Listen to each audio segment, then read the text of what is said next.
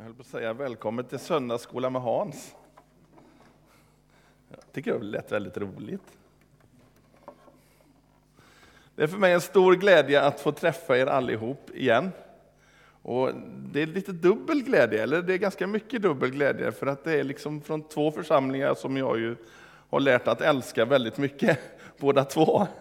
Och det känns jätteroligt att få träffas så här tillsammans. Och vi får väl prata lite mer efter mötet kanske.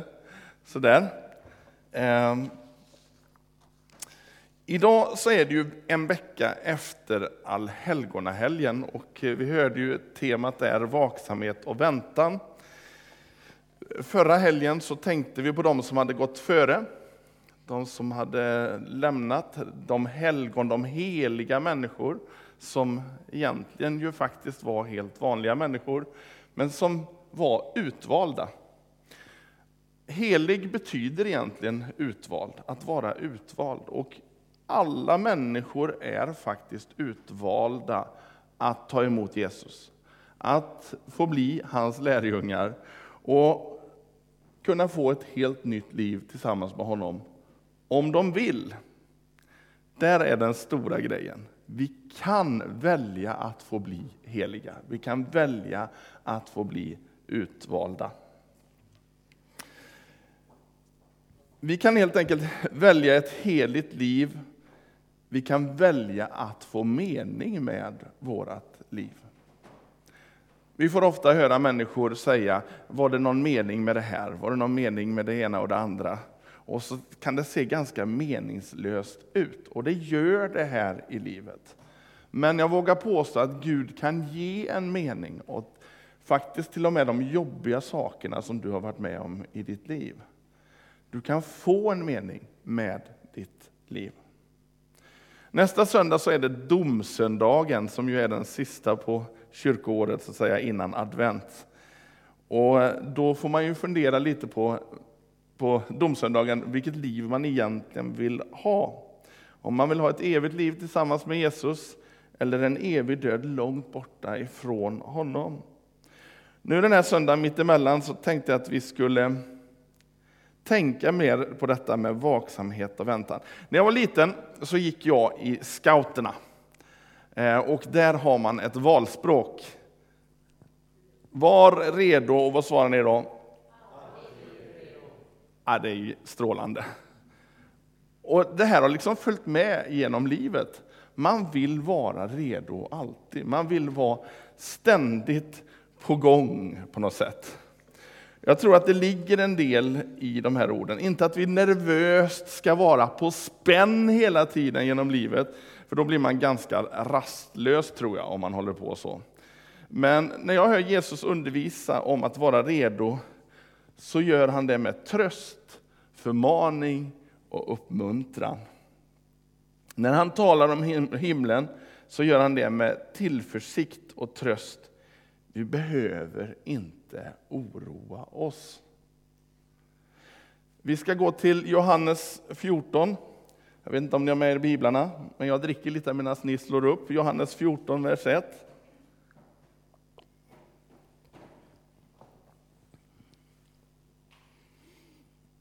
Där står det så här, Johannes 14. Låt inte era hjärtan oroas. Tro på Gud och tro på mig. I min faders hus finns många rum. Om det inte vore så skulle jag sagt till er att jag går bort för att bereda plats åt er. Och om jag än går och bereder plats åt er ska jag komma tillbaka och ta er till mig för att ni ska vara där jag är. Och vart jag går, det vet ni. Den vägen känner ni. Vi stannar där så länge. Så länge vi tillhör honom och stannar kvar hos Jesus, i hans närhet, så behöver vi inte vara rädda.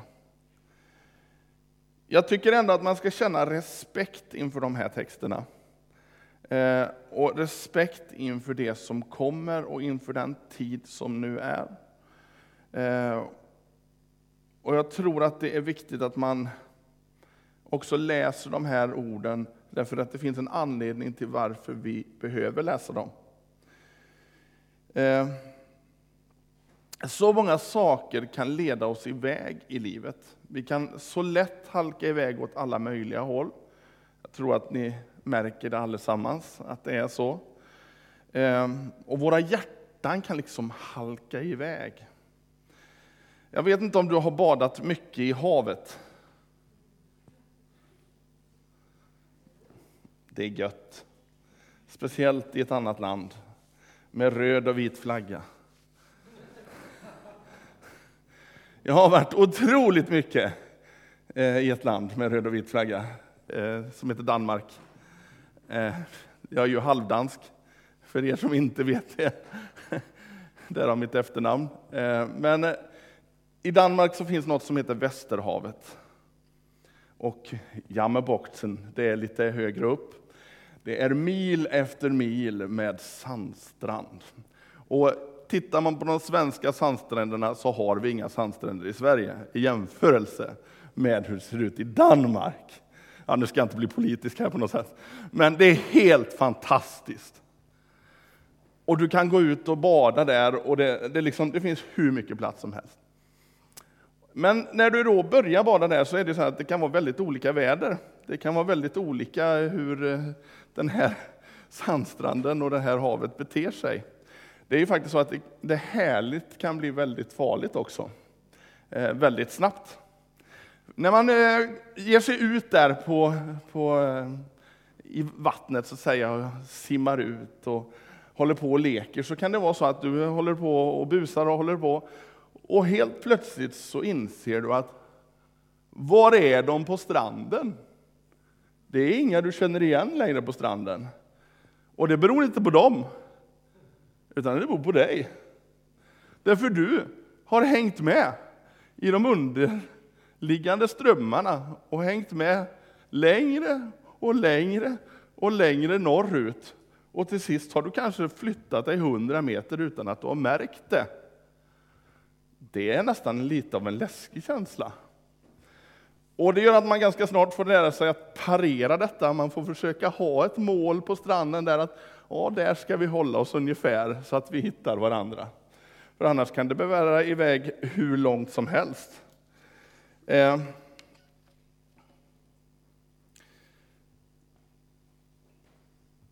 Jag tror att det är så här just på det här sättet i livet.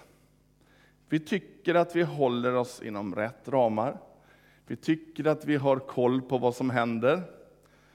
Men så struntar vi lite i en del saker och helt plötsligt så inser vi att vi är väldigt, väldigt långt bort ifrån där vi startade och där vi egentligen vill vara.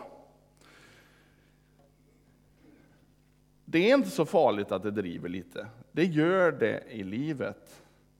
Men om vi går till vad Jesus säger, att vi ska hålla oss på vägen. Det kommer ju i verserna efter det, Johannes 14 och 6, där Jesus säger jag är vägen, sanningen och livet. Ingen kommer till Fadern utom genom mig. Eh, det, vi förstår att vi behöver ha koll på var vägen går någonstans. Vi behöver ha en riktning för våra liv. Vi kan inte bara strunta i det här. Eh, utan vi behöver ha fokus på Jesus. Vi behöver se vart ska vi någonstans. Hela Bibeln pekar ju på det här. Jag vet faktiskt en gång när vi badade, också där utanför Blockhus, när det var rent farligt. Vi tänkte, nej men det är inte så farliga vågor. Eh, men jag har ett minne för livet därifrån. Eh, och vi gick ut i vattnet och vi insåg ganska snart att nu är det så här lite vatten. Sen nästa stund var det så här mycket vatten, eh, bara i en våg. Liksom. Eh, och jag minns att jag klarade liksom nästan inte att ta mig in för det började dra ut. Och det blev så illa så att man drogs längs botten så här ut bara. Så vi fick kämpa ordentligt för att ta oss in. Eh, jag vet en kompis, han höll på att nästan inte komma in. Så det är ju inte att leka med de här krafterna verkligen. Ja, det var en sidohistoria visserligen, men så kan det vara. Vi kan tycka att saker eller problem ser så små ut och kanske ger oss in i saker som vi inte riktigt så lätt tar oss ur. Ehm, jag har en kompis som heter Ronny. Han, ja, det är inte den Ronny. Ett tag så hade vi en Ronny-klubb på min firma. Det var fyra Ronny som brukade komma. Jag heter inte Ronny, men de brukade komma i alla fall. Och ingen av dem Ronny var detta, utan det här är en annan Ronny. Eh, och vi var på några kobbar utanför Hönö och hade eh, liksom ett läger för kyrkan. Då. Och så skulle han i och dyka med tuber och titta på fiskar och titta på hur vackert det är under ytan. Men vad han inte hade räknat med, det var han och en till, vad de inte hade räknat med, det var att det var så starka underströmmar. Så de tyckte ju att de höll sig på ett ställe. De tittade på fiskarna och det var så vackert och så vidare.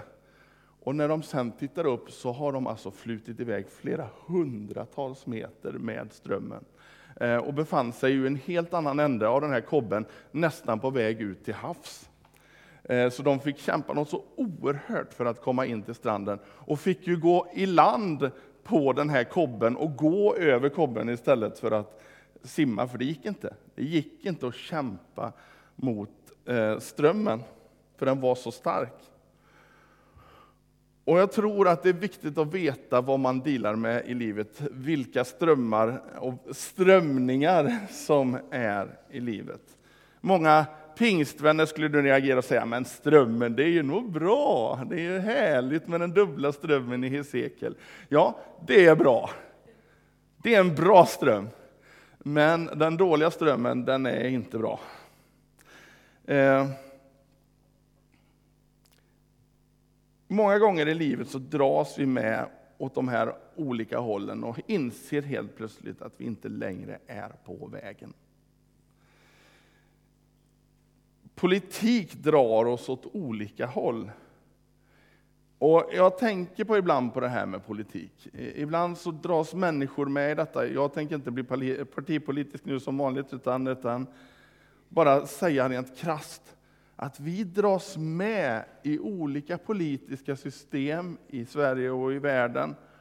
Och helt plötsligt kanske vi står och försvarar saker som är rakt emot vad Jesus säger. Och det, det blir lite märkligt. Eh, jag måste faktiskt nästan höja ett varningens finger för detta. Man behöver vara uppmärksam vart ens hjärta är på väg och vad som händer. Vad hade Jesus sagt och gjort i de här olika situationerna? Jag vet att detta inte är så enkelt. Vi lever i en tid där allt ska gå fort och det ska göra hända nu, nu, nu, nu, nu. Men vad är det Jesus säger? Låt inte era hjärtan oroas. Det är alltså upp till dig och mig att välja om vi ska gå runt och vara oroliga här i livet. Om vi ska titta på alla problemen och tycka att allting är jobbigt. Eller om vi tittar på honom och lyssnar, vad säger han? Låt dig inte oroas. En undersökning säger att minst 30, nej, förlåt, fel siffra. Minst 95 procent av all oro är helt obefogad. 95. Jag har till och med hört någonting om 97.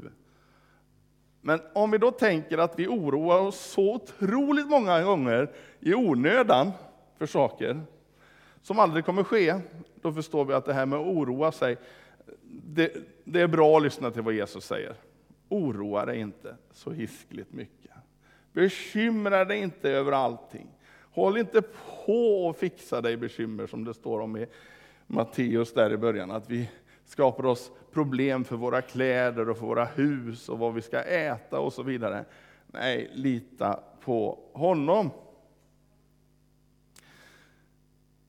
Vi kanske skulle oroa oss däremot lite mer över att vara redo att vara färdig för himlen. Bibeln talar tydligt om att hela den här världen ska prövas. Och den prövas just nu. Det är liksom ingen tvekan om att det är så. Eh, den kommer att prövas hårdare ju närmare slutet vi kommer. Och detta är ju en orsak till oro, självklart för oss. Det står att det ska bli krig på den ena platsen efter den andra och folk ska resa sig mot folk det ska bli naturkatastrofer, svält och jordbävningar. Och när vi slår på tvn så ser vi att Allt det här händer hela tiden. Och vi ska gå till en text som handlar om just detta. Det är Matteus 24, och så ska vi läsa från vers 3 och framåt. Och vi ska läsa ganska långsamt, så ha gärna ett finger där.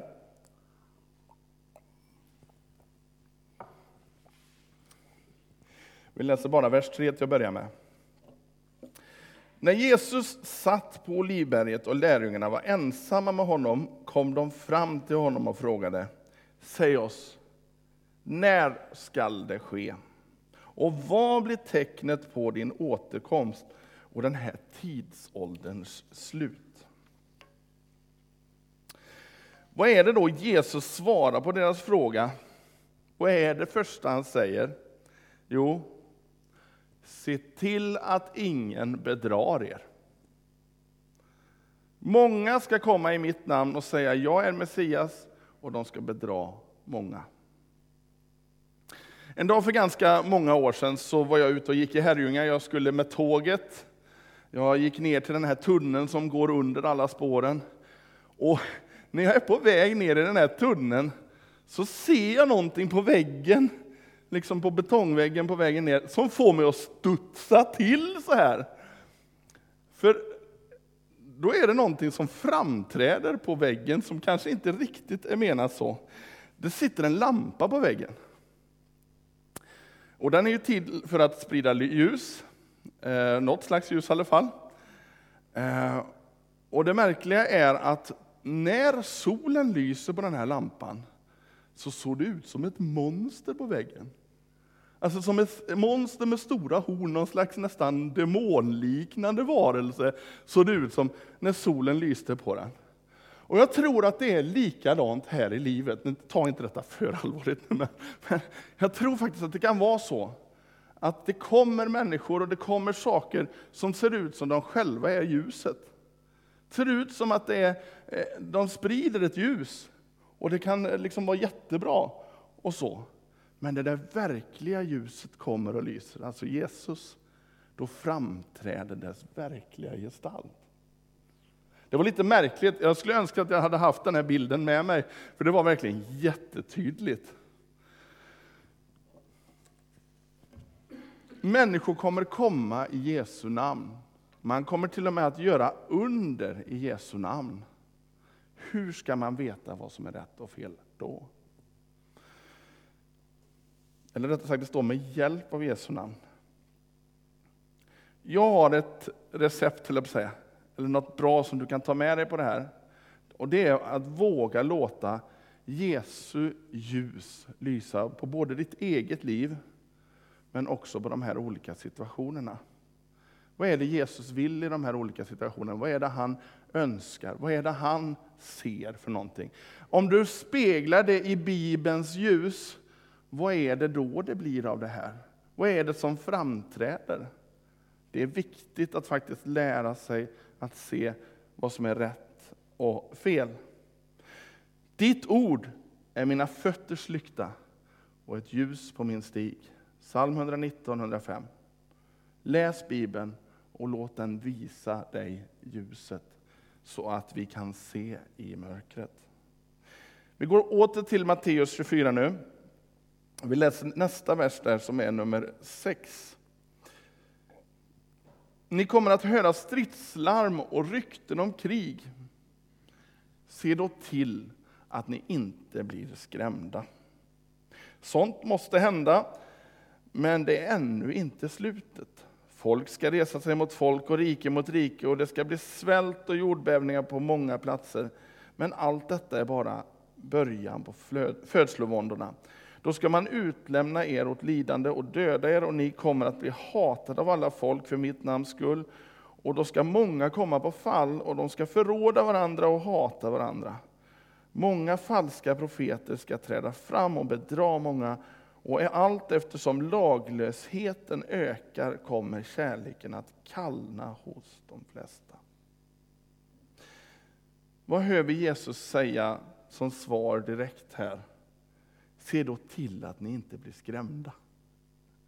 Jag vågar påstå att de flesta av oss blir ganska skrämda av det som står här. Ehm, jag, kan säga att min verksamhet blev direkt påverkad av att eh, det blev krig i Ukraina. För folk blev livrädda. Folk handlade inte modellbilar när det blir krig i grannlandet. Så är det bara. Och vi blir ganska skraja av det som händer runt omkring oss. Det har kommit nära oss på något sätt. Men var inte rädda, bli inte skrämda. Återigen så har vi ett val att inte låta oss bli uppskrämda för saker som vi inte ska vara rädda för. Rent krasst handlar det om var har vi vår trygghet? Och jag tänker på den sången här som vi sjöng precis innan. Ehm, ja. Nej, den innan. Precis. Vem är det jag förtröstar på? Vem är det jag egentligen sätter min tillit till? För sätter jag min tillit till den här världen så kommer jag ganska snart att vara väldigt orolig. Men om jag vågar lita på att Jesus faktiskt har koll, och att trots att allt detta ska hända så kommer han ha koll efter, även efter vi har dött.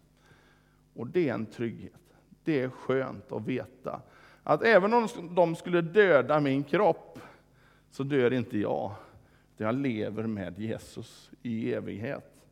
Det är en trygghet som du och jag kan ta med oss. Det är till och med så att Jesus säger, trösta varandra med de här orden. När ni ser att allt närmar sig och allt håller på att gå åt skogen, titta då upp. Minns att snart kommer Jesus. Snart kommer han och snart kommer allt att bli bra. Jesus säger, var inte rädd. Gång på gång på gång. Tro på mig och tro på Gud. Han vill att du ska stanna där nära honom, nära hans hjärta. Och läser du till exempel Johannesbreven så står det, ja det står ju faktiskt att om du är i Jesus, att du är så nära honom så kan du faktiskt inte ens göra fel mer eller mindre. Utan om du håller dig så nära hans hjärta. Även om den stigen som vi går på till himlen är väldigt smal och snårig, så leder den till himlen. Spegla dig i Guds ord. Den ger dig en mer sann bild av vem du är. Och då är vi åter i Saltaren här. Vad var det det stod? Jo, han har skapat dig mer än övermåttat underbar. Du är fantastisk. Du är, något, du är unik. finns ingen mer som du. Du har egenskaper som ingen annan har. Ja, kanske du delar en del, men du har en del saker som ingen annan har. Du är fantastisk, du är mer värdefull än allt annat. Hade det bara varit du som hade varit på den här jorden så hade han i alla fall gett sitt liv för din skull. Du är så värdefull. Tänk, ta med dig det här. När världen håller på och slänger allt möjligt på dig, så tänk, Ja, vad snygg jag är. Tänk att jag är skapad så underbart. Tänk att kroppen får fungera. Tänk att ja, trots alla mina fel och brister ändå får jag vara älskad av Gud. Det är ett budskap som den här världen verkligen, verkligen behöver. För Jesus så finns det inga hopplösa fall. Tänk så många gånger jag har fått se det genom människor som har levt hela livet i missbruk.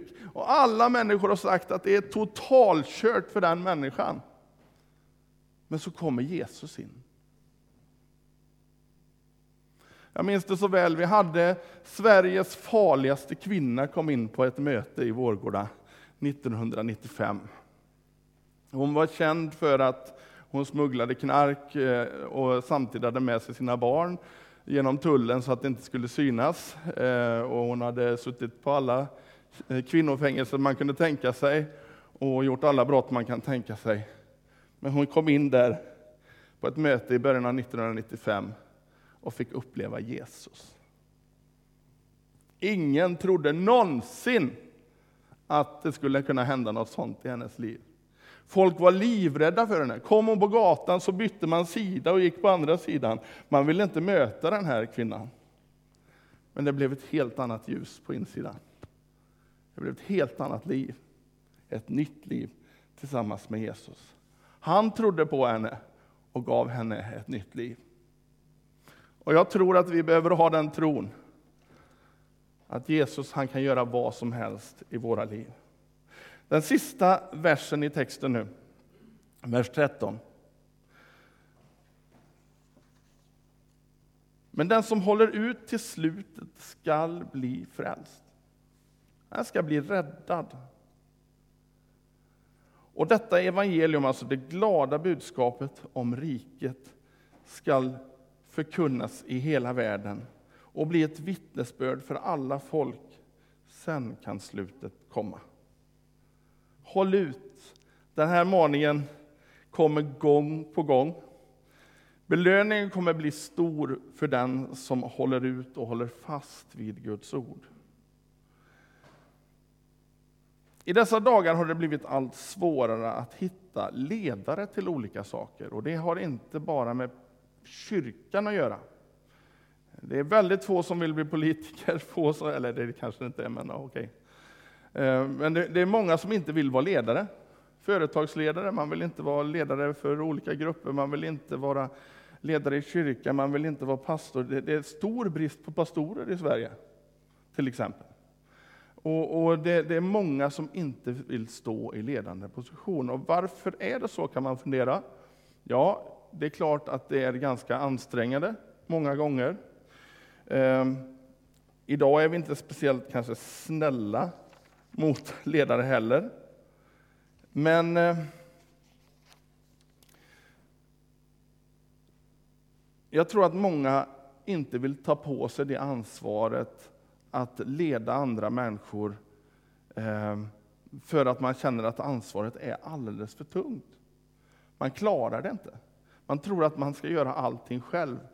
Men att vara en ledare tror jag inte handlar om att göra allting själv, utan snarare kunna leda andra människor till att faktiskt leva ett liv. Ja, nu ska jag inte blanda ihop företagsvärlden med, med, med, med eh, att tro på Jesus, men eh, det är klart att det finns en del grejer som går ihop där.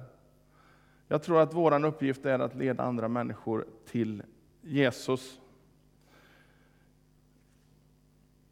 Bibeln är också väldigt tydlig att det är stort ansvar på den som är en ledare.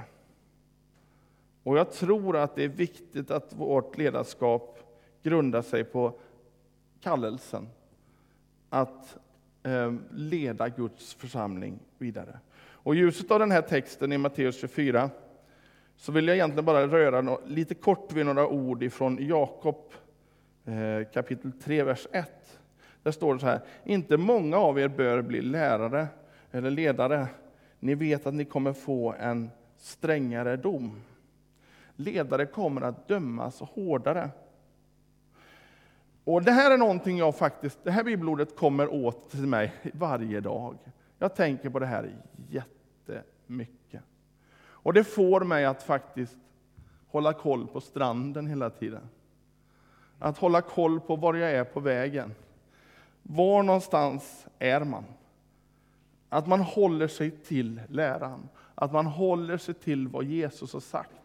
Att man lyssnar in vad han säger. Det är inte mig det handlar om. Det är inte jag som ska vara någonting. För mig idag kan jag säga att det kvittar att stå inför människor. Förr tyckte jag det var väldigt roligt. Men idag så är det borta på något sätt. Det är inte därför jag predikar eller är pastor. Utan det är för att det är en kallelse här inne där Gud har sagt till mig att göra det. Och jag tror det är väldigt viktigt att det inte är först och främst att synas, utan att faktiskt få peka på Jesus.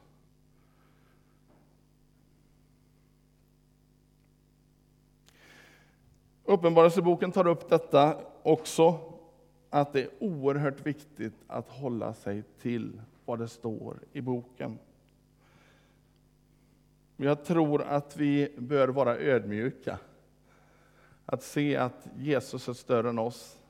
Han är större än våra liv, större än allt det där som vi tycker att vi kan komma med. Och det är han som är den viktigaste, att den syns i våra liv. Inte jag framför allt. Och när jag tittar på Bibeln så är det faktiskt så att det är just ledarna, de som sa att de visste hur de skulle göra, de missade alltihop fariseerna, detta politiska parti, som sade sig veta precis vad det stod i skriften, de missade alltihop. De som skulle vara närmast, de skriftlärda, som skulle vara allra, allra närmast Jesus egentligen, de missade det. det. Där ser vi faran av att bli lite för självsäker i det vi gör. Jag tror det är bra att vi behöver vara redo, att vi känner in, att vi lyssnar in. Helig Ande, vad är det som händer nu? Om jag är på en olycksväg, visa mig då tillbaka till den riktiga vägen som det står i Psaltaren.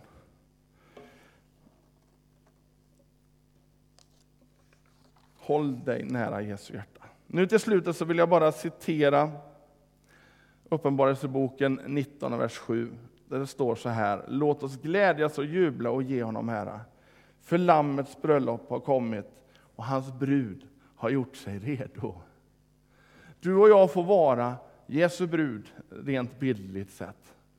Vi får vara redo för den dagen vi ska komma till himlen. Jag skulle kunna prata hur länge som helst om detta, men nu är det en predikan, så vi får ta det nästa söndag eller något. Eh, och det finns otroligt mycket att läsa om detta. Eh, men dra dig nära honom. Och jag vill avsluta allra sist här med att läsa några ord ifrån Jakobs brev, det första kapitlet. Där står det så här. Räkna det som en ren glädje, mina bröder, när ni råkar ut för olika slags prövningar. Sträck på er. Ni vet ju att när er tro prövas ger det er uthållighet. Och låt uthålligheten leda till fulländad gärning så att ni är fullkomliga och hela utan brist på något sätt. Och om någon av er brister i vishet, då ska han be till Gud som ger åt alla villigt utan att kritisera, och han ska få. Men han ska be i tro utan att tvivla. Den som tvivlar liknar havets våg som drivs och piskas av vinden. En sån människa ska inte tänka att hon kan få något från Herren. Splittrad som hon är och ostadig på alla sina vägar. En ringa broder ska berömma sig av sin höghet, men en rik av sin ringhet. För han ska vissna bort som en blomma i gräset. Solen går upp Eh, med sin brännande hetta så att gräset vissnar. Blomman faller av och dess skönhet försvinner. Så skall den rike vissna bort mitt i sin strävan. Men salig är den, lycklig är den som håller ut i prövningen. För när han har bestått provet ska han få livets krona som Gud har lovat dem som älskar honom. Ingen som blir frestad ska säga det är Gud som frestar mig. Gud frestas inte av det onda och frestar inte heller någon. Var och en som frestas dras och lockas av sitt eget begär. När sen begäret har blivit havande så föder det synd, och när synden är fullmogen så föder den död. Bedra inte er själva, mina älskade. Allt det goda vi får och varje fullkomlig gåva är från ovan. Den kommer ner från ljusets far, som inte förändras eller växlar mellan ljus och mörker. I kraft av sin vilja har han fött oss på nytt genom sanningens ord till att vara en förstlingsfrukt bland dem som han har skapat. Detta vet ni, mina älskade. Varje människa ska vara snar att höra, sen till att tala och sen till vrede.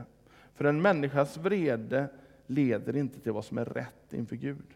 Lägg därför bort all orenhet, all ondska och ta ödmjukt emot ordet som är implanterat i er och har makt att rädda era själar. Herre, tack för ditt ord. Herre, jag ber att vi ska våga lyfta blicken och se att du snart är här. Jag ber att dina ord ska få vara till tröst och inte till att göra oss oroliga. Tack för att du lyfter var och en som sitter här. Du vet att vi allesammans tycker att det är en väldigt orolig tid. Att vi tycker att det är en tid som inte är så enkel, Herre. Och Herre, ibland känner vi att vi nästan inte klarar av dagen. Herre, hjälp oss att ödmjuka oss under dig. Att höra och att göra det som du har kallat oss att göra. Hjälp oss att våga spegla vidare det ljus som du har lyst på oss. Herre, du vet den som kämpar just nu. Jag ber att du kommer med din kraft. Kom Herre och rör just nu Herre. Jag ber att mörkret får skingra sig och att ditt ljus får lysa fram Herre. Herre, jag ber att vi ska få verkligen hjälpa varandra i denna tid Herre. Kom Herre och rör vid våra hjärtan. Herre, kom och var vårt centrum. I Jesu namn. Amen.